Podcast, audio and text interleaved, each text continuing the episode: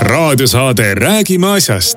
Eesti asjadest nii nagu need on, räägivad Mart ja Martin Helme ning nende huvitavad saatekülalised pühapäeviti kell üksteist. loe põnevate teemade kohta rohkem ka uudisteportaalist uueduudised.ee tere tulemast kuulama raadiosaadet Räägime asjast, räägime Tre raadios, Ring FM-is, Ruut FM-is ja Kuressaare pereraadios. Räägime asjast, saates on täna Mart Helme ja mina olen Martin Helme. me tähistame Eesti Vabariigi saja kolmanda sünnipäeva nädalat. kolmapäev oli vaba päev ja pidupäev, kindlasti räägime me nendest pidupäeva kõnedest ja meie tõrviku rongkäigust aga ennem seda räägime veel esmaspäeval riigikogus toimunud koroona arutelust, kuhu Kaja Kallas siiski suvatses kohale ilmuda ja neljapäeval tehtud siis valitsuse otsustest koroonapiirangutega seoses.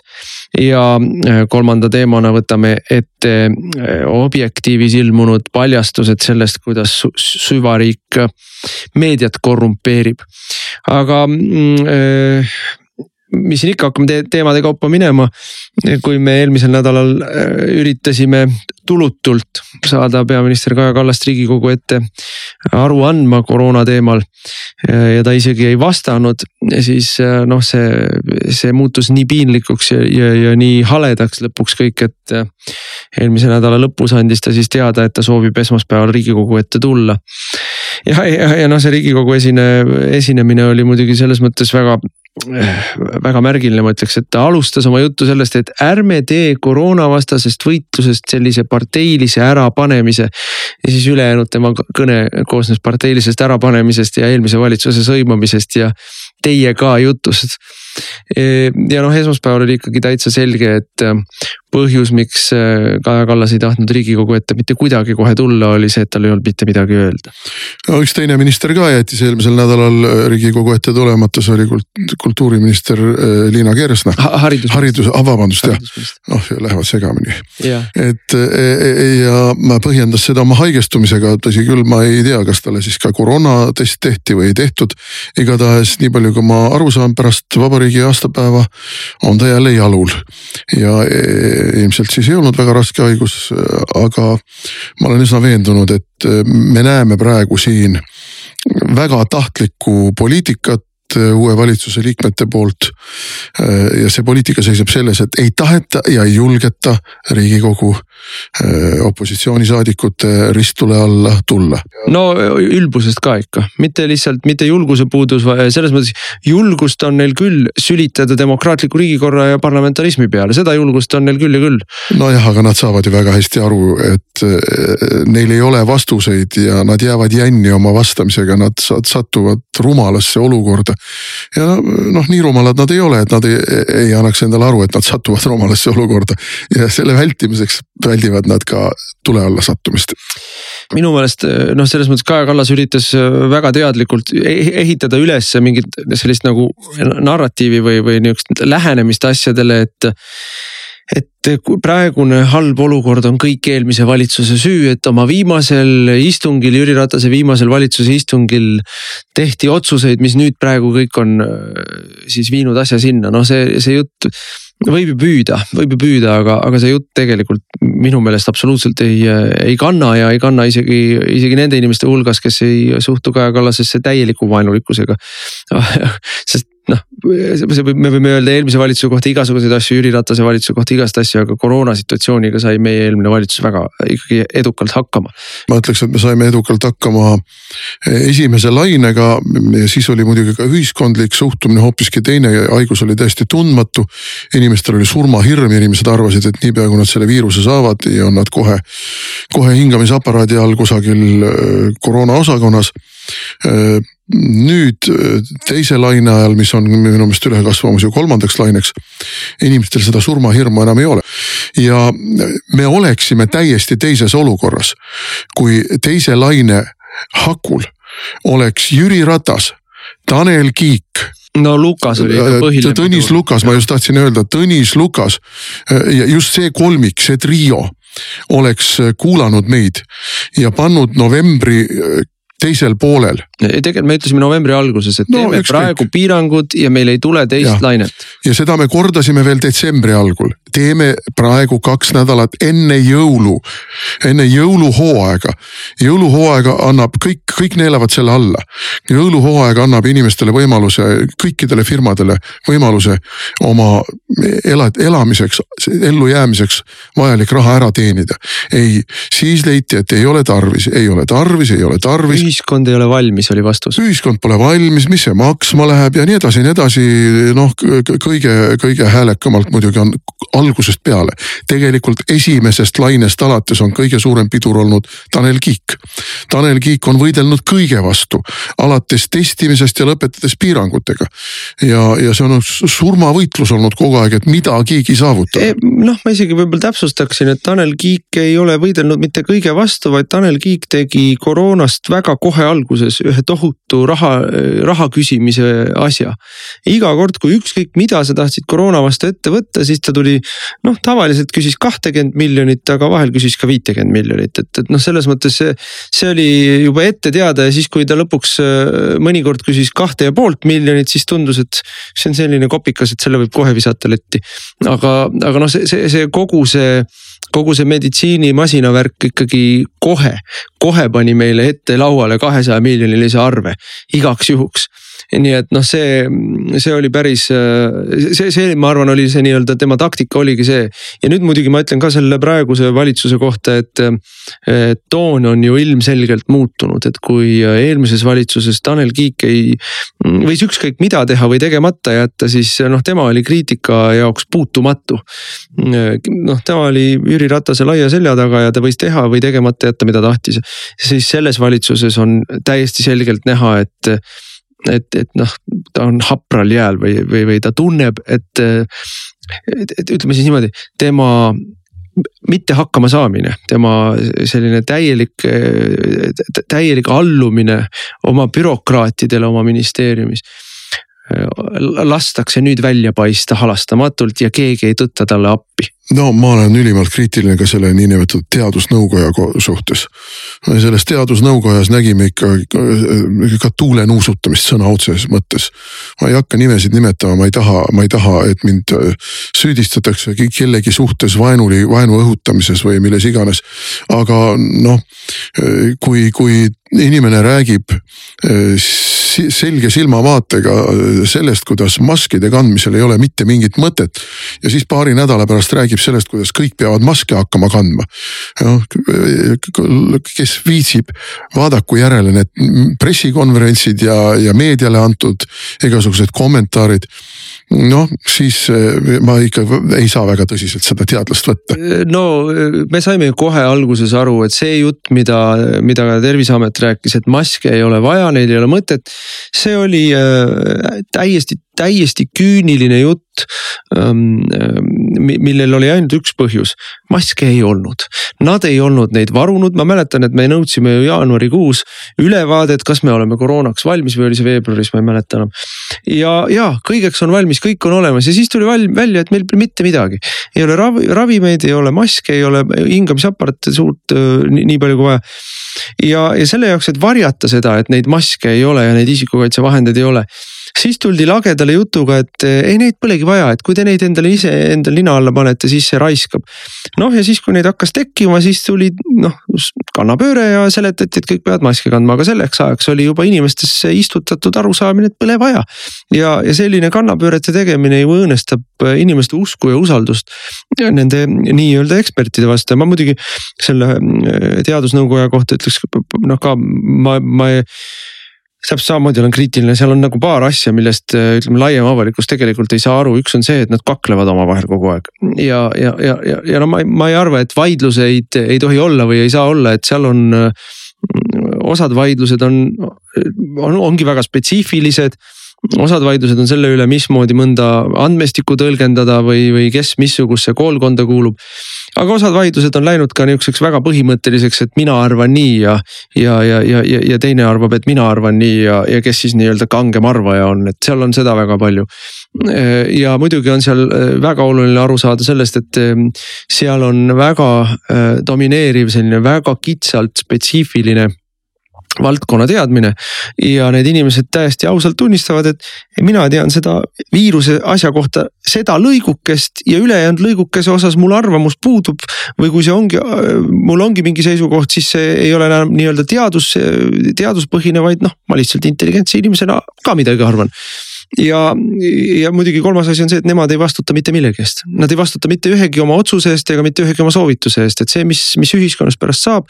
kui nende, nende see ja, ja, ja neljas asi, mida, mis, mis, mida me nägime korduvalt nii eelmise kui praeguse valitsuse ajal on see, et nad nii-öelda tegid, tegid siis varitsusi või tiibhaaranguid valitsusele, et selle jaoks, et nende soovitused ikkagi läheks mindi kõigepealt meediasse, öeldi, et nüüd peab nii tegema või seda, ilma selleta kohe kuidagi ei saa.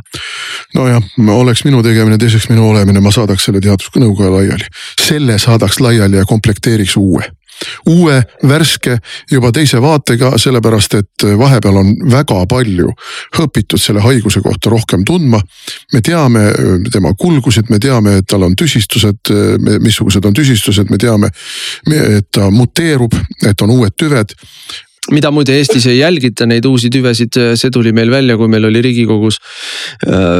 ma olen riigieelarve, riigieelarve erikomisjoni liige, seal kutsuti siis ka kokku, tehti nii-öelda kuulamine ega meil Eestis neid tüvesid eriti ei jälgita. üks põhjus on see, et see on kallis muidugi, aga, aga noh, põhimõtteliselt ka kuskil on otsustatud, et see ei oma erilist tähtsust aga ma, ma tuleks nüüd, ma tuleks nüüd muidugi selle neljapäevaste otsuste juurde. valitsus siis pärast seda, kui mm, oldi, oldi põhimõtteliselt kuu aega mitte midagi otsustatud ja mitte midagi tehtud ja mitte midagi ka öeldud, et mida siis tahetakse või ei taheta, siis noh, neljapäeval lõpuks vaadati, et enam ei suud-, ei suudeta seda, seda kommunikatsiooni nii-öelda välja kanda ja pandi, pandi siis veidi, veidi pikemad piirangud peale. ega ma nende piirangutega otseselt ei vaidle, et äh, see, see, see, et koolid hoitakse pikemalt distantsõppel, see on selge. see on nii-öelda rahvusvahelistest uuringutest välja tulnud, et see on üks tõhusamaid viise nakatumise seda R-kordajat alla saada ja mitte sellepärast, et noored inimesed põeks raskelt või sellepärast, et noored inimesed kuidagi oleks erilised kandjad, vaid kogu see kooli logistika liigutab hästi palju inimesi tihedates massides. Ja, ja, ja teine, mis, mida meil ei õnnestunud ju eelmise valitsuse ajal sugugi üldse panna, seepärast et Tõnis Lukase suhtumine oli selline, et tema võitleb äh, valitsuses halbade teiste kolleegidega ja kaitseb oma valdkonda ja, ja siis eh, igas, igas valitsuses me tundide kaupa istusime ja jaurasime selle üle. Eh, milliseid kontserte ikka peab tegema ja milliseid spordiüritusi peab tegema ja milliseid piiranguid ei tohi teha ja, ja lõpuks noh, lõpuks need reeglid, mis tehti, olid nii mõttetud, et nendest ei olnud mingit kasu. aga fakt on see, et, et kuigi meile väidetakse, et teatrites ja kinodes ja, ja muudes sellistes üritustes nakatumisi ei toimu, fakt on see, et meil on kodus nakatumised kõrged, mis on täiesti arusaadav ja loogiline. meil on töökohas nakatumised kõrged, mis on ka arusaadav ja loogiline. ja siis meil on põhimõtteliselt mingi nelikümmend või peaaegu viiskümmend protsenti tuvastamata no, no kuskilt peavad nad ju tulema, noh. ja noh, ma vaatan murelikult ikkagi seda, et ma olen nõus ühe, ma ei mäleta, kes kirjutas kuskil. et see sisuliselt on vahele jäänud kooliaasta ja see ongi vahele jäänud kooliaasta ja mina ei tea, kas see vahele jäänud kooliaasta kordub ka järgmisel aastal, kui me samamoodi jätkame. ja, ja mis siis üldse meie eestikeelsest haridussüsteemist ja meie laste intelligentsusest ja teadmistest saab. ma olen selles suhtes väga-väga murelik ja mina ei ole veendunud, et see on kõige õigem otsus, ma ei ole selles veendunud. E, ja ei noh, vaata iva on selles, et, tegelikult lihtsalt valitsus ei suutnud enam ära seletada, mis nendel siis eesmärk on. et, et mina ka selles mõttes ei arva, et me peame väga rangelt sulgema minema, sest et siin on nagu selline mingisugune teatav paanika õhutamine, et oi, uus rekord on üle tuhande, oi üle tuhande ühesaja aga samal ajal kõrval on väike nupukene, et ligi pooled nendest, kes siis nii-öelda positiivsena tuvastatakse, on varem läbi põle, põdenud ja niimoodi läbi põdenud, et nad isegi seda ise ei teadnud. mis muide klapib sellega, mis varasemad äh, uuringud ja ka Eesti andmestik ütleb, et äh, umbes nelikümmend protsenti, kolmkümmend viis, nelikümmend protsenti inimesi põeb koroona läbi nii, et nad isegi seda ise ei tea ja ei märka ja nüüd, kui me, meil on, eks ütleme, tuhat inimest tulevad, teevad positiivse testi päevas. siis sellest tuhandest inimesest nelisada on sellised, kes tegelikult ei ole haiged. Nad kas on varem olnud haiged ja ei ole seda ise märganud või nad on kuidagi sattunud sinna äh, sellesse valimisse niimoodi, et nad ei, äh, ei, äh, ei ole tegelikult ohtlikud teistele, nad ei ole nakkusohtlikud inimesed. no võib-olla need numbrid natuke täpsustuvad, aga ütleme kirvega võttes, need suured numbrid tegelikult ei peaks meid hirmutama ja täpselt samamoodi kuna ikkagi selle tes-, vaktsineerimisega alustati kaheksakümne aastastest ja vanematest ja seal on päris kaugele sellega jõutud, siis hoolimata väga kõrgetest nakatumisnumbritest ju haiglasse sattunute numbrid ei ole nii kiiresti tõusnud ja surmade numbrid ka ei ole nii kiiresti tõusnud. mis tähendab seda, et, et jah nakatumine on laialt levinud, aga neid raskeid kaasuseid on vähem. ja, ja see tähendab minu jaoks väga lihtsat asja Äh, ikkagi vaktsiinid on vastus sellele lahendus sellele olukorrale. mida kiiremini äh, vaktsineeritakse ära äh, need inimesed, kellele see haigus on ohtlik, see tähendab vanainimesed ja, ja teatud spetsiifiliste siis haigustega, krooniliste haigustega inimesed seda kiiremini kaob ära oht, et need nii-öelda lai levimus ühiskonnas selle, selle haiguse tagajärjel meie ühiskonna nii-öelda kokku jooksutab no ma pean ütlema, et ma olen ka selles suhtes skeptiline, ma, me näeme ju seda, et see, need vaktsiinid, mida praegu kasutatakse. esiteks ei ole sugugi kindlust, et nad uute tüvede puhul on efektiivsed. teiseks, nende toimeaeg on kusagil pool aastat ja natuke peale aga vot seda me ei tea, sest vaktsineerima alles hakati mõned kuud tagasi ja, ja noh, ütleme siiamaani. mõnedes riikides, kus seda on juba pikemalt tehtud ikkagi noh, vähemalt mina olen lugenud, et no, kuskil kuus-seitse kuud. alates detsembrist hakati vaktsineerima üldse kõige esimesed riigid, kes hakkasid, olid, olid detsembrikuus. ja, ja seal tehtud uuringud näitavad, et olenevalt vaktsiinist ja sellest, kas sa oled saanud esimese või teise süsti. Mm, kuskil kaheksakümmend, üheksakümmend protsenti inimesi, kes on selle vaktsiini saanud, üldse ei nakatu ja täpselt sama suur protsent või isegi natuke kõrgem protsent, isegi kui nad ise nakatuvad, ei anna nakatumist edasi, nii et noh, selles mõttes need vaktsiinid on tõhusad. mis nende, kui kaua nad on või mis nende kõrvalefektid või pikaajalised tagajärjed on, vot selle kohta meil täna info puudub, see on küll tõsi. et ja kui me nüüd mõtleme, et, et kas me jõuame poole aastaga vaktsineerida oma elanikkonna ära, ei jõua see on selge, et ei jõua, see saamatus nende vaktsiinidega on noh üle mõistuse. ja see on jällegi Tanel Kiigu ja Jüri Ratase ühiste pingutuste tulemus, sest et eelmises valitsuses meil olid pikad-pikad kurnavad, kurnavad ja vastikud vaidlused selle üle, kas osaleda nendes ühishangetes, mitte osaleda, missugustel tingimustel osaleda, kui palju raha sinna panna, kas osaleda erinevate firmade vaktsiinihangetes. no see on ka üks neid kohti, kus Tanel tuli meie juurde ja ütles kolmkümmend kuus miljonit, palun. ja, ja noh, eks me lõppkokkuvõttes leppisime sellega, et ega me ei saa öelda, et me ei, ei, ei, ei vaata vaktsiinide poole või ei taha neid vaktsiine, aga mina näen vaktsineerimisel siin praegu äh, vähem on probleem selles, et me ei saa neid vaktsiine kätte, et Eestisse tuleb juba kolme eri sorti vaktsiini, kohe tuleb neljas ka turule. mina näen ikkagi probleemi selles, et need vaktsiinid, mis Eestisse jõuavad, neid ei kasutata ära. laovaru kogu aeg kasvab tegelikult laovaru kogu aeg kasvab ja seda nii-öelda logistikat, mille jaoks meile, meile jälle pandi kohutav arve lauale, et see üles ehitada, see mm,. ja mängiti ühele firmale. ja, ja siis mängiti ühele firmale kätte, et seda, seda mm, äh, logistikat, et siis võimalikult kiiresti see vaktsiin inimesteni toimetada, see, see tegelikult jääb jänni, ma kardan, see on, see on järgmine suur pudelikael, mida ma näen tekkimas, on see, et meil tuleb vaktsiini rohkem riiki sisse, kui seda inimesteni toimetada toimetatakse? no minu arvates äh, siin ei ole üldse kaht, kahtepidi võimalik mõelda, on võimalik ainult ühtepidi mõelda. Tanel Kiik peaks oma koha ära andma kellelegi, kes on võimekam. kellelegi, kes on tõsine administraator, kes on autoriteet, kes käib üle ministeeriumite ja ametite äh, bürokraatidest. Tanel sellega hakkama ei saa. ei, ega ta ei tahagi. ei saa kunagi hakkama saama ka. isegi kui ta istub seal kuni järgmiste valimisteni, see on välistatud õnnestutud, Tanel Kiik ei saa nende väljakutsetega hakkama. E, e, aga kui me vaatame nüüd seda reformerite ja keskerakondlaste nii-öelda pikki pinke siis nende pingid on ju lühikesed, neil ei ole ju pikki pinke. Neil ei ole seal pingi all ka kedagi, keda sealt välja kookida nagu küülik jänese kuskilt torukübarast. et sellist administratiivset geeniust, kes selle suures osas logistilise probleemi lahendaks ei oleks, mina meie erakonnast tean mitut inimest, kes sellega hakkama saaksid ja no ma ütlen veel kord, probleem, Taneli probleem on ju see, et ta ei tahagi. no ega on... Kaja ka ei saa ju. jah, ei muidugi, Kaja Kallas ka ei saa hakkama, loomulikult ta ei saanud hakkama isegi riigikogule, riigikogu ette esinema tulemisega põhimõtteliselt või, või siis kui tuligi, siis tuli selliste sõnumitega, mida lihtsalt oli piinlik kuulata. Ja noh, see, see rabedus ja, ja, ja, ja ma ütleks kiledus, mis sellest, nendest esinemistest seal riigikogu ees välja tuli see on ikkagi hämmastav, et aga äh, Tanel Kiik on ju ministeeriumi noh, ideaalminister.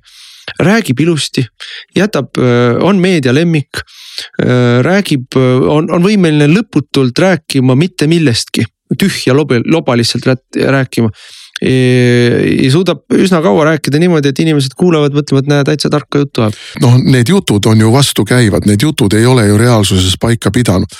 Need jutud ei hakkagi paika pidama, sellepärast et noh, katet ei ole ju. no mis, mis jutt see on? vaktsiinid saabuvad, korraldame süstimist. no ei saabu ju ja kui saabuvad, siis te ei ole võimelised korraldama süstimist. lihtsalt üks nagu tapeetjutt millele sa ei pööra mingil hetkel mitte mingit tähelepanu, sest sisu sellel ei ole. ei no isegi kui tahaksid pärast sealt välja sõeluda iva siis selle iva väljasõelumine on, on, on väga raske. aga noh, äh, saab nüüd näha, mis siis, mis siis saab, eks ju, et kui meil on kuni märtsi lõpuni on nüüd eriolukord või noh, ma ei tea, kas on eriolukord, päris kinni riiki ei ole no, pandud, aga ma olen sinuga täiesti, jah, ma olen sinuga täiesti nõus, et selles mõttes see on päris, päris jõhker. mis toimub ikkagi hariduses ja ma ütleks niimoodi, et hästi-hästi äh, niimoodi üldiselt või kõrgest äh, sellises, kõrgest vaatest vaadates. selline haridussüsteem nagu meil on, niisugust õpetamist tegelikult välja ei kannata et see haridussüsteem jookseb niisugusel moel, sellises formaadis õpetamisega jookseb ta lihtsalt kokku. ja, ja, ja umbes viisteist protsenti õpilastest on täielikult käru pealt maha kukkunud. no et... Lauri Leesi, ma olen temaga sada protsenti nõus, noh, ma näen ju oma kodus ka. ütleb, et selle efekt on kuskil kaheksa, üheksa protsenti kaheksa-üheksa protsendi ulatuses omandatakse materjal, suudetakse see materjal ka esitada. noh, see, see, see on nii auklik, see on nii tükatine, see on nii äh, kuidagi laialivalguv, äh, ebatõhus. Aga äh, hea küll, haridus on loomulikult meie kultuuriline, meie, meie keeleline, meie, meie rahvuslik, meie intellektuaalne tulevik. aga meil on tarvis ka elada ja võib-olla sa parandad mind, aga minu arvates ei ole ju Kaja Kallase valitsus pakkunud välja ka erinevalt meie eelmisest valitsusest piirangute puhul kompensatsioonimehhanisme. ei, absoluutselt mitte. Aab, Jaak Aab ütleb, et, et valitsus hakkab arutama, kas oleks võimalik ka mingisugust kompensatsioone teha ja, ja töötukassa reservid tuleks uuesti kasutusele võtta. tuleks, tuleks, oleks, oleks, poleks, poleks jah, kusjuures ma arvan, ma olen täiesti kindel, et üks põhjus, miks äh, kaubanduskeskuseid sulgema ei hakatud, oli see, et äh, nad ei olnud nõus raha, raha selle jaoks kuidagi eraldama, et noh, rääkimata sellest, et äh, nendele samasele spaadele või, või, või muudele noh, nendele samadele kultuuriasutustele või, või, äh, või, või kinodele. ei ole ju ka mitte midagi veel lubatud me,, meie valitsuse ajal, kui me midagi kinni panime, siis me kohe ütlesime, et tuleb ka kompensatsioon. ja, ja pärast me võisime selle kompensatsiooni üle seal natuke timmida või vaielda veel ja, ja, ja kõikidele sektoritele tundus, et kompensatsioon on väiksem, kui oleks pidanud olema noh, see on paratamatu, aga vähemalt me alati ütlesime, et tuleb ja tuli ka no, ja oli me, ka. me tegelikult ikkagi sulgemisega äh, samaaegselt äh, panime kohe arutluse alla ka selle, kust me selle raha võtame. kas see tuleb töötukassa reservist, kas see tuleb haigekassa reservist, kas see tuleb valitsuse reservist, kas see tuleb veel kusagilt, kas meil on võimalik äh, kusagil midagi optimeerida. me need allikad ja, ja suurusjärgud panime ikkagi üsna no, kohe paika. see oli põhiliselt minu töö ja noh, mingil määral ka siis äh, majandusministeeriumi töö, kui oli mingite no, ettevõtlussektorid. ratas oli ka alati ikkagi mõttega asja juures. jah, et, et noh, ja see, ja see oli alati olemas, aga noh, meil on ju praegu valitsus, kus äh, nii peaminister kui rahandusminister on ju noh, on ju põhimõtteliselt sendisaagijatest koonrid. kellel noh, mingi kiik sellest, kuidas ei tohi, kuidas eelmine valitsus lasi käest ära ja meil on raha otsas ja. see on, see on nii vale ja esiteks on see lihtsalt vale jutt riigikogu ees ka Kajas või Kaja Kallas ütles, et valitsuse reservis on kaks miljonit eurot ainult järel sellel aastal. ei vasta tõele, valitsuse reserv, kui eelmise aasta jääk üle tuua, on valitsusel reservides üle kahesaja miljoni euro, aga. ei no see on propaganda. see on lihtsalt propaganda just nimelt, aga noh, ei no formaalselt võib öelda, aga tõstke siis eelmise aasta jääk üle ja teil on seal kohe sada korda rohkem raha no,. seda ei saa. aga noh, käib sendi saagimine ja, ja noh, see jutt, kuidas me, me võlakoorem on niigi suureks aetud, andke andeks, meil võtsime lisaeelarve vastu ja meie plaan oli, et me võtame kaks pool miljardit eurot laenu. viis miljardit miinust oli võimalik endal lubada. Ja me võtsime poolteist miljardit, miljard jäi laenamata, sellepärast et me majandasime nii hästi. tal on Aga... mahtu kui palju, et majandust äh, elavdada, käivitada, kompenseerida. miljardiga teeb ikka hirmus palju ära ja see miljard on ju ka tegelikult veel nii-öelda eelmise aasta kasutamata jäänud plaan, sellepärast et hästi läks aga Hiina maksab topelt ja nad maksavad topelt ja nad maksavad väga valusalt topelt selle kõige eest, sellepärast et ega siis äh, inimesed, kelle firmad pannakse pausile. Nad peavad ju millestki elama, seal on töötajad, seal on, seal on igasugused jooksvad kulud. Seal, me oleme mõlemad firmasid teinud, me teame ju, mida see tähendab. see ei ole niisama, et ma panen selle pausile. maksuamet tahab makse saada ja nii edasi ja nii edasi. ja kusjuures meie tegime maksuametist ka veel leevendused, ütlesime, et saab ilma intressita maksupuhkused ja asju, sellest tänapäeval ei räägi mitte keegi mitte midagi. aga üks asi veel, mida ma tahtsin selle Kaja Kallasega seoses, kui ta käis meil noh, kaks nädalat tagasi infotunnis, ma küsisin tema käest, kas on oht täpselt sõna-sõnalt ma ei ütle, kuidas ma küsisin, aga mõte oli selline. kas on oht ja kas valitsusel on ka kava plaanilist ravi piirama hakata? vastus tuli ei, valitsusel niisugust kava ei ole. nüüd äh, neljapäeval Äh, kui need uued piirangud vastu võeti, siis tuli juba ka signaal, et ilmselt on vaja hakata piirama ka plaanilist ravi. nii et äh, jõudsime siis kahe nädala jooksul sinna. ja, ja ma arvan, et me saame neid äh, uudiseid veel nii, nii näha ja kuulda, nii et aga no plaanilise ravi piiramisega on, on see ja, ja, ja see oli meie diskussiooni teine küsimus, kui ma õigesti mäletan et ma lugesin üles ka, kui palju meil on aastas igasuguseid muid surmasid, et kui, kui paljudes kümnetes tuhandetes muude, muudesse haigustesse inimesed surevad. kui me plaanilist ravi piirama hakkame, siis me tekitame inimestele kannatusi ja siis me tekitame lisasurmasid, mida oleks võimalik plaanilise raviga vältida. nii et kui me hoiame ära seal, ma ei oska öelda, kümme, kakskümmend koroonasurma, siis me võime kindlad olla, et meil suurusjärgu võrra rohkem plaanilise ravi piiramise tulemusena tuleb muude haiguste surmasid. nii et noh, siin on ka ikkagi minu meelest mõistusevastane disbalanss. raadiosaade Räägime asjast. Eesti asjadest nii nagu need on, räägivad Mart ja Martin Helme ning nende huvitavad saatekülalised pühapäeviti kell üksteist. Loe põnevate teemade kohta rohkem ka uudisteportaalist uueduudised.ee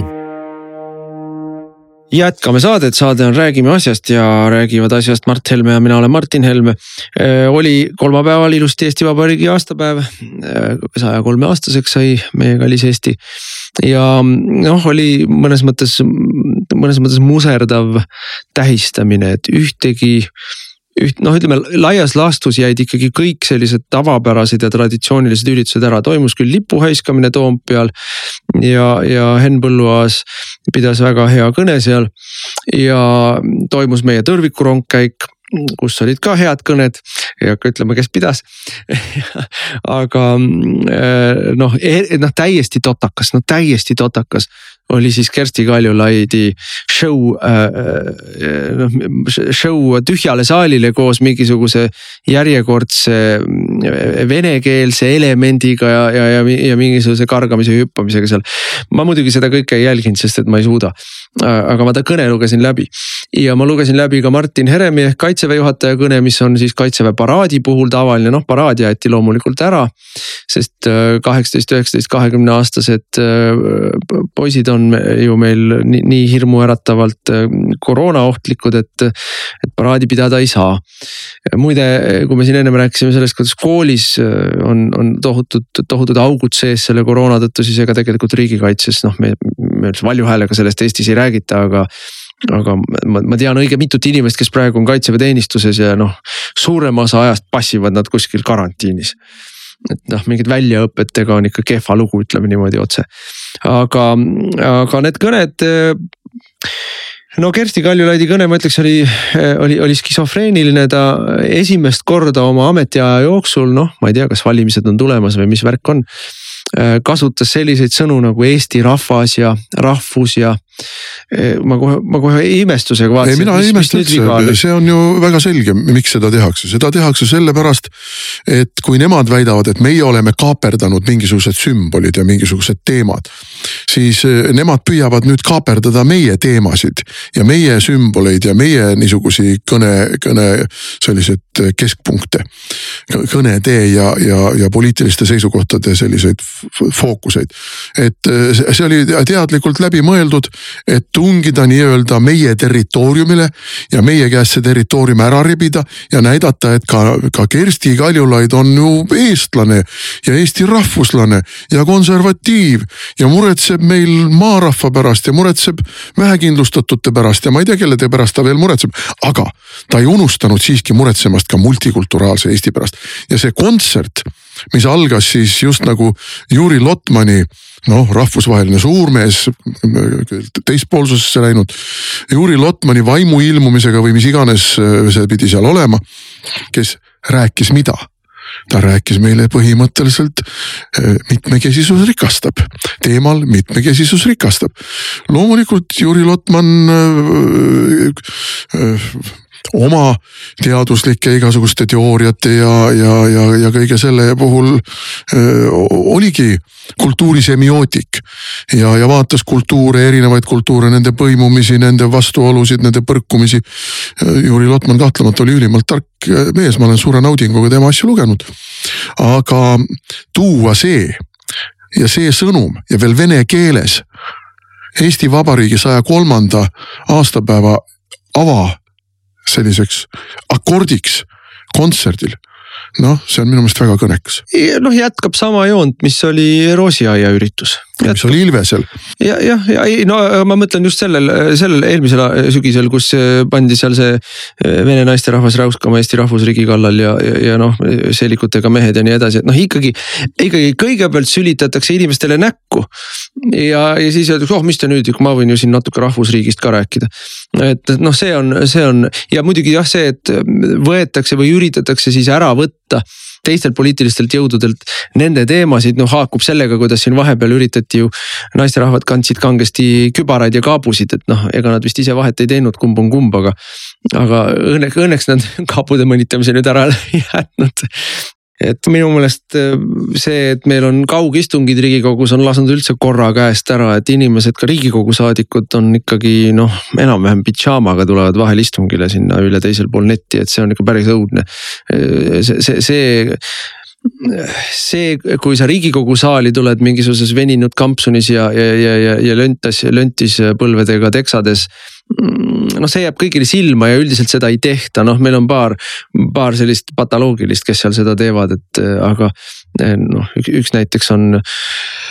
Mihhail Stalnuhhin ja, aga jah, seal on mõned veel, kes, kes noh, lihtsalt põhimõtteliselt käivad nii, nii löntakalt riides, et, et kohe, kohe ma ei saa aru, miks aga, aga ma tulen no, nende, nende kõnede ja, ja selle vabariigi aastapäeva tähistamise juurde tagasi, et meie leidsime mitte kordagi ei, ei, ei arvanud või ei tulnud pähegi, et me jätame oma tõrviku rongkäigu ära ehm, isegi kui oleks pandud piirangud, et üle kümne inimese ei tohi tulla, siis me oleks teinud kümne inimesega, aga näe, me saime kokkuleppele siin terviseameti ja politseiga ja. ja, ja noh, nii nüüd tagantjärgi võib öelda, et olime ka pisut mures sellepärast, et, et kui suur see rahvahulk sinna siis tuleb või ei tule, et kas me lähme ka väga lõhki, no ei läinud väga lõhki. küllap noh, kindlasti oli seal natuke rohkem inimesi kui see kakssada viiskümmend. aga me ei teinud ju reklaami. aga me ei teinud mingit ja, reklaami. mida me tegime ja miks ka vähem rahvast tuli äh,. ei olnud seda tormijooksu meil teistest Eesti piirkondadest oli see, et meil tegelikult üle Eesti toimus noh, ma ei oska öelda, tosinkond. Oma väiksemat tõrvikurongkäiku. Pärnu, Tartu, Rakvere.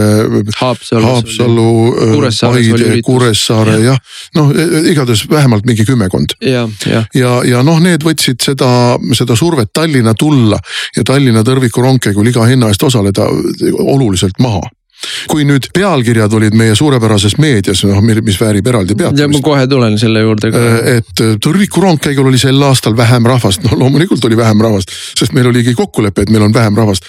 aga kui me võtame kõik need äh, inimesed, kes meil olid sajad ja sajad inimesed, kes meil olid ka teistes kohtades no ma ei oska täpselt öelda, eks me võime ju, me korjame kokku oma ringkondadest, kui palju kuskil osales aga ma arvan, et me kokkuvõttes saame kusagil no paar, kaks pool tuhat, kolm tuhat inimest üle Eesti kokku. aga ma nüüd neid täpselt numbreid ei, praegu ei suuda kohe tuvastada, aga ma tean, et ainuüksi meie Facebooki lehekülje kaudu oli kakskümmend viis tuhat vaatajat sellel no ütleme esim-, esimesel õhtul oli natuke üle kahekümne, aga siis keris veel järgi seal järelvaatamised. et, et selles mõttes inimesed osalesid sellel üle neti, nii nagu meil siin koroona ajal inimesed on juba leppinud ja harjunud. ja, ja pluss olid veel Youtube'i kanali vaatamised, seal olid ka tuhanded vaatamised, pluss olid siis uute uudiste lehekülje kaudu vaatamised, seal olid ka tuhanded vaatamised, nii et. et kui me mõtleme selle peale, kui palju meil oli neid vaatajaid sellele üritusele, siis, siis ma arvan, et me lõime kõikide aegade kõik rekordid minutit. aga siin tuleb muidugi arvestada ka seda, et ei olnud pingviinide paraadi, mis oleks muidu konkurentsi pakkunud.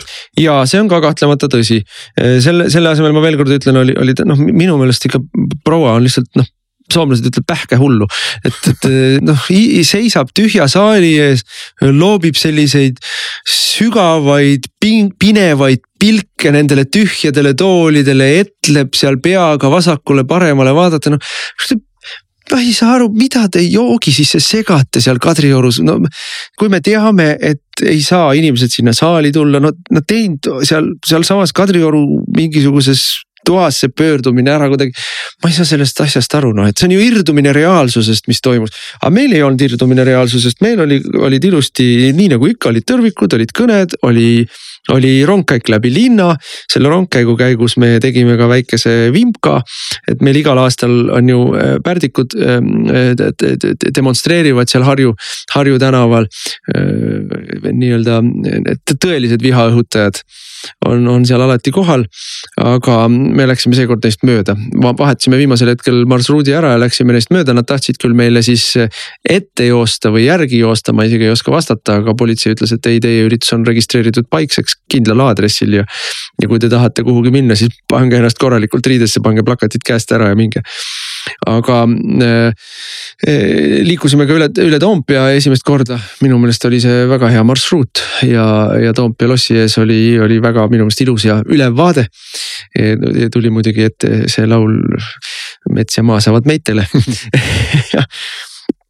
ja aga ma, ma ütleksin selle meie tõrvikurongkäigu tooni kohta niimoodi, et ähm, inimesed olid pisut või tuntavalt mm, ütleme siis sellised äh, sõjakamas toonis kui varasematel aastatel. ja, ja seda küsis mult ka üks Postimehe ajakirjanik, et kas, ega minu kõne oli, oli minu meelest, ma, ma tegin teadlikult sellise, sellise veidi sõjakama või, või juba pisut päevapoliitilisema, me tavaliselt üritame vältida ju päevapoliitikat ja, ja väga lihtsal põhjusel, kahel põhjusel, esiteks, kui ma vaatasin teiste kõnesid, noh Kaja Kallase kõnest, noh, ma ei taha pikalt peatuda, see oli, see oli, see oli nii. minu meelest oli see viha õhutamise kõne oma rahva vastu, aga, aga ka, ka ülejäänud kõned olid äh, ebatraditsiooniliselt päevapoliitilised. ja, ja teine asi on see, et kui ma seda nii-öelda rahva meeleolu seal platsi peal nagu tunnetasin, siis Eh, sealt peegeldus väga selgelt ikkagi jaanuari võimupöörde selline noh, järellainetus või, või noh, inim-, inimeste, inimesed olid ikka väga-väga-väga äh, ärritatud selle peale ja, ja, ja ma nüüd korraks kutsuksin üles neid, neid kõiki inimesi, kes kes selle võimupöörde korraldasid ja neid kõiki inimesi, kes selle võimupöörde lainel tahavad siin vihakõne seaduseid ehk tsensuuriseaduseid tegema hakata, et. kui inimesed praegu juba nii tigedad on, kui te veel võtate neilt ära võimaluse oma poliitilist meelsust väljendada. no minu meelest aetakse sellega ühiskond ikkagi täiesti tagajalgadele ja noh, muidugi Postimehe ajakirjanik, ma vaatasin ka ei olnud ajakirjanik, ei, ei, ei, ärme teda no, niimoodi ärme nii nimetame, aga no ta ise tutvustas ennast ajakirjanikuna. no see, mis ta seal kokku keeras, oli, oli muidugi jäle see, mis ta seal kokku keeras, oli muidugi jäle ja ausalt öeldes ka Reporteri äh, propagandist, kes käis seal. ma ei ole seda näinud, aga. no, no tegevus oli ju süsteemne, inimesed käisid ja otsisid üles, kas jokkis inimesi, keda on alati ka kohal, keda me küll alati turvamehed nopivad rahva hulgast välja ja saadavad kas minema või, või ütlevad, kutsuvad korrale. aga süstemaatiliselt otsiti üles, kas jokkis inimesi või noh, siis. omapäraseid no, inimesi. jah, ütleme siis niimoodi jah, selliseid kummalisi, kummalisi tegelasi. et see oli, see oli absoluutne fookus, ei ühtegi viisakat, kena, rõõmsat noort. Nendega intervjuusid ei tehtud. kusjuures noori oli seekord hämmastavalt palju. noori oli palju jah. hämmastavalt palju, aga no muidugi seekord oli ka väga lihtne leida see mingisugune neli-viis imelikku või noh, omapärast inimest üles või, või ka purjus inimest. sellepärast, et inimesi oli nii vähe. kui sul on kümme tuhat, kümnetuhandeline mass, mis peatumatult liigub, sellepärast et ta ei saagi seisma jääda, kuna muidu tagantpoolt surutakse peale. siis noh, nüüd see mõnisada inimest, kes seal oli, noh, ma usun, et meil oli natuke üle kolm, kahesaja viiekümne inimese, võib-olla kolmsada inimest, võib-olla midagi niisugust, sest tõrvikuid me jagasime laiali kakssada viiskümmend, aga kõigil ei olnud tõrvikuid. et noh, tõenäoliselt oli meil natuke rohkem.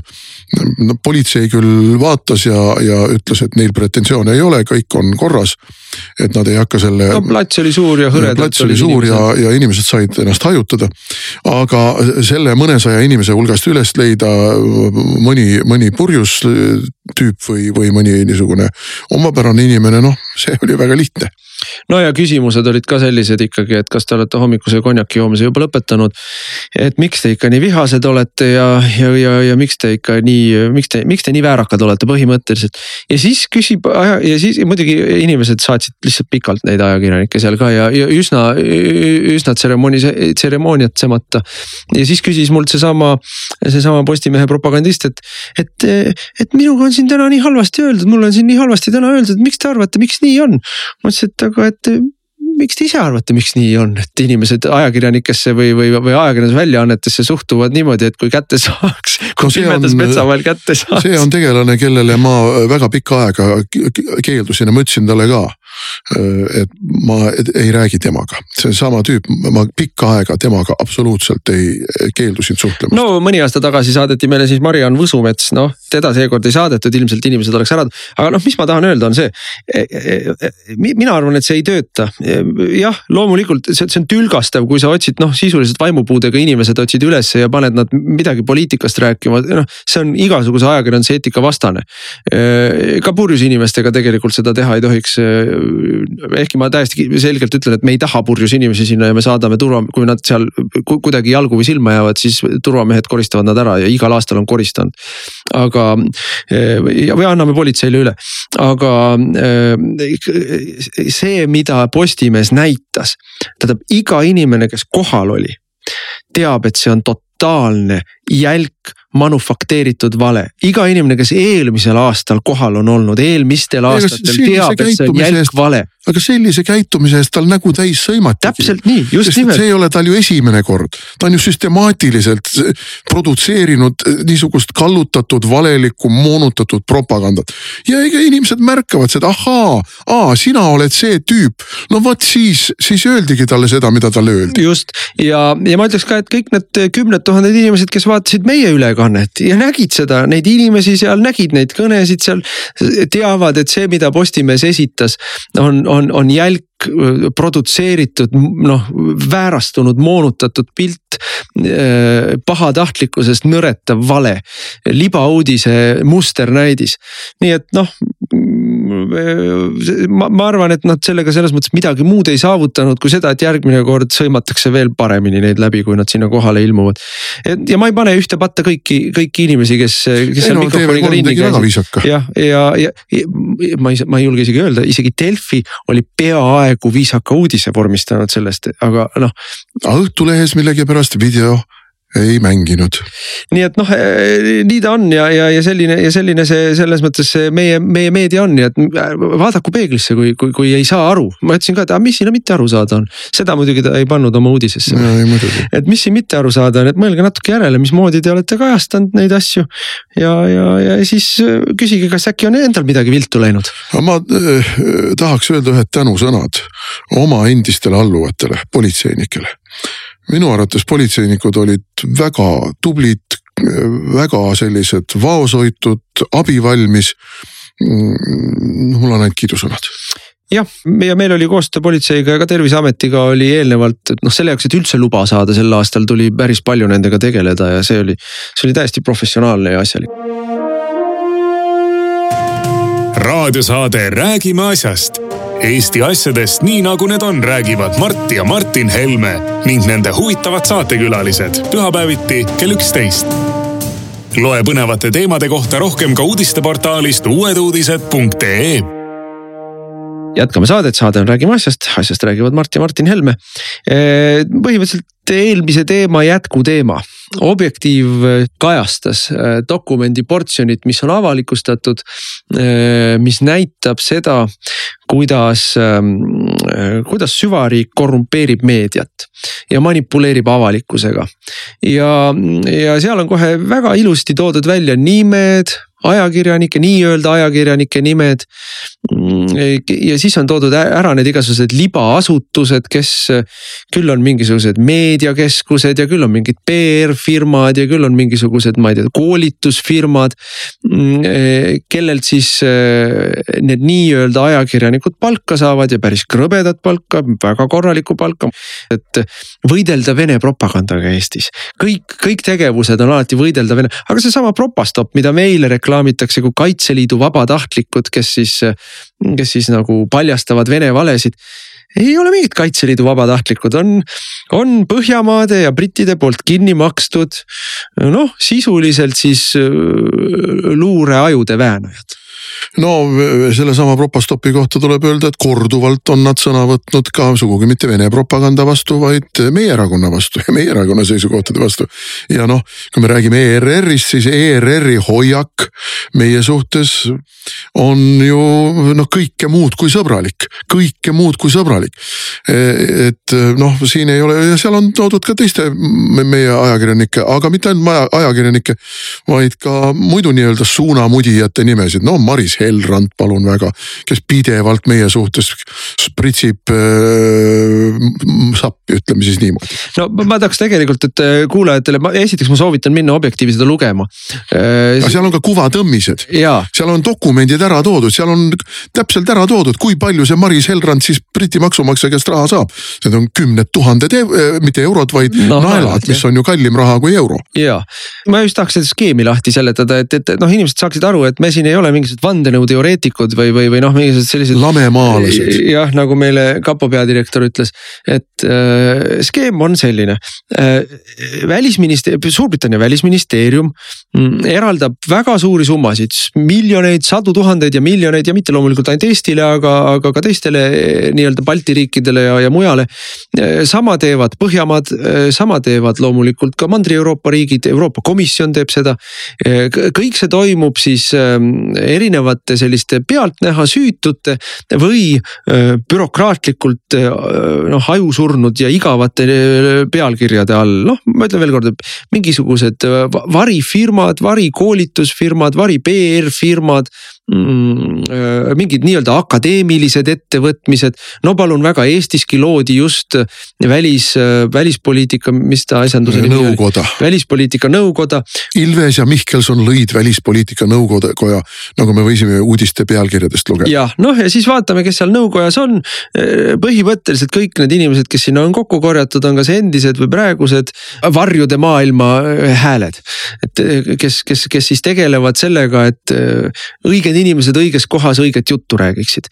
ja, ja, ja, ja toimub totaalne inimeste ajupesu, no kõige rohkem ma vaatan, ollakse mures sellepärast, et.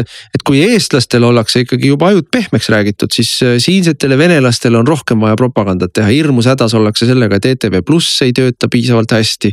ja, ja üleüldse, et siinsed, siinsed äh, mitte-eestlased ei, ei ole veel piisavalt liberaalsed ja sallivad ja, ja kõike, mis, mis veel. aga noh, põhimõtteliselt mina ütlen, et see on, see, see on tegelikult vaenutegevus. see on Eesti sisepoliitikasse sekkumine, Eesti sisepoliitika otsene mõjutamine ja see on Eesti suveräänsuse tegelikult kahjustamine.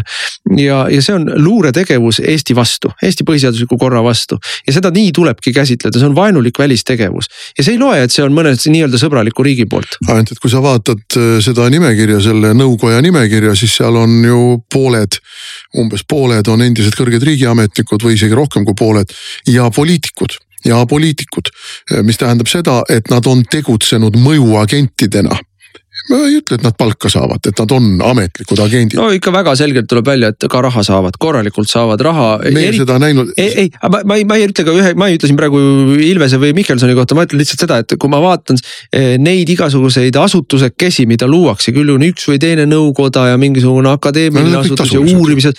et eh, sinna pannakse, lükatakse raha alla ja need on nii-öelda sellised noh, kuidas nüüd öeldakse parkla, parklad, kuhu lükatakse siis poliitikud, kes hetkel peavad natukene olema hoiul või kes praegu ei ole võimul.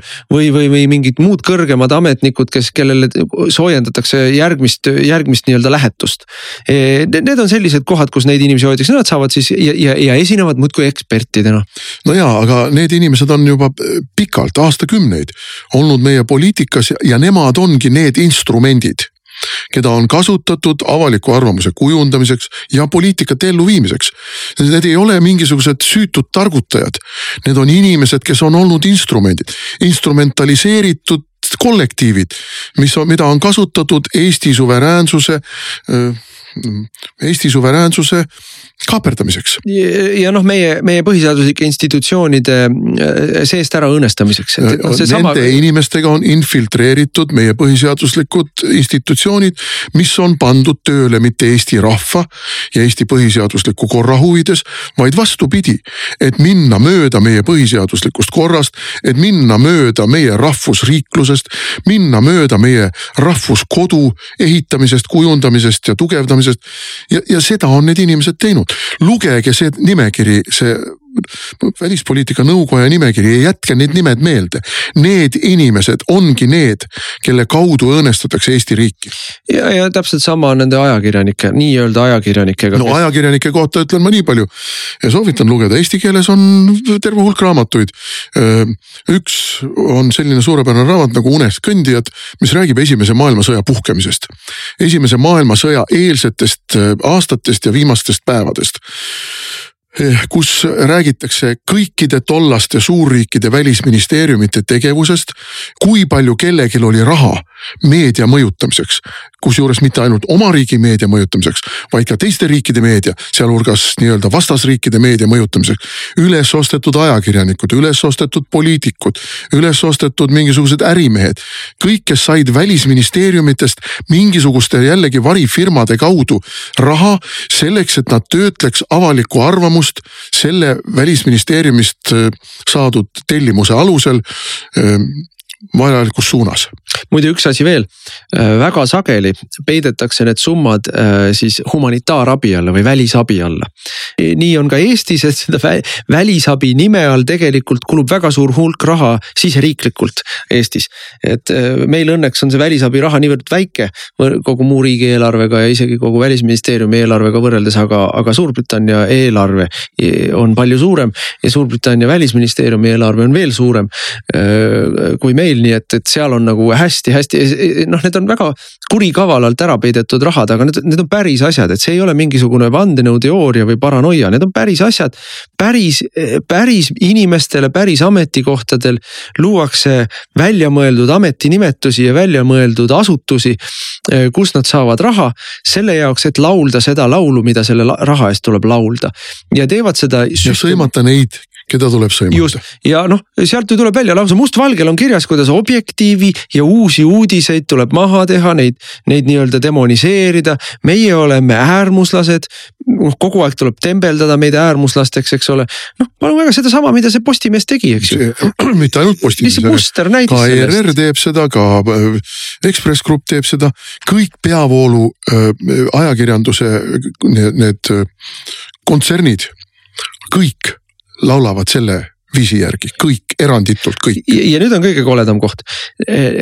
sellised inimesed noh, sisuliselt töötavad välisagentidena Eesti vastu ja meie enda julgeolekuasutused peaksid seda takistama ja nurjama. Aga väga paljud neist töötavadki meie enda julgeolekuasutustes või nende julgeolekuasutuste heaks või vähemalt heakskiidul. nii et noh, see on see, see on see kõige magedam koht siin. E, kuidas noh, kõik on täpselt vastupidine sellele, millele no, üritatakse lasta paista. no meil saateaeg saab kohe otsa, aga e, mõned nädalad tagasi ilmus e, Objektiivis veel üks teine materjalikogum, mis rääkis ka siis sellest, kuidas sarnasel moel finantseeritakse ka meie niinimetatud uurivaid ajakirjanikke ja, ja, ja seal olid samuti välja toodud äh, tavalised kahtlusalused. kõik needsamad Roonemaad ja Kundid ja igasugused muud tegelased, kes on meil suured uurivad ajakirjanikud ja saanud ka igasuguseid Bonnieri preemiaid ja asju. ja kes on kogu aeg tegelenud tellimustööde täitmisega raha eest. no ja loomulikult kõik need MTÜ-d, kes meil tegelevad immigrantide eest muretsemisega ja homode pärast muretsemisega ja, ja, ja kelle kõige, mille kõige pärast muretsemisega. ka need on noh sarnaste skeemidega rahastatud asjad, et kui me mõtleme selle pärast, et kuidas see asi nii hulluks on läinud, et ükski normaalne inimene ei poolda ei Eestis ei immigratsiooni ega homondust. ja näe ometi rullib edasi ja, ja, ja ometi see jutt nagu on igal pool kogu aeg meile lihtsalt nagu söögi alla, söögi peale pressitakse seda. aga nii ongi, see on, see on tohutu suur masinavärk, millel on taga tohutu suured rahad ja ja ei saa öelda, et tal oma efekti ei oleks. ei noh, loomulikult on. aga sellega on meil, me hakkab saateaeg otsa saama, meie saadet ei maksa keegi kinni peale Konservatiivse Rahvaerakonna. ja, ja ütleme siis niimoodi lõpuks lohutuseks, et propaganda on tõhus ainult siis, kui puudub vastupropaganda ja seda me siin teeme. ilusat jätkuvat kevadnädalat Te kuulasite raadiosaadet Räägime asjast. saate eest tasus Eesti Konservatiivne Rahvaerakond. järelkuulamine internetis treeraadio.ee ja uueduudised.ee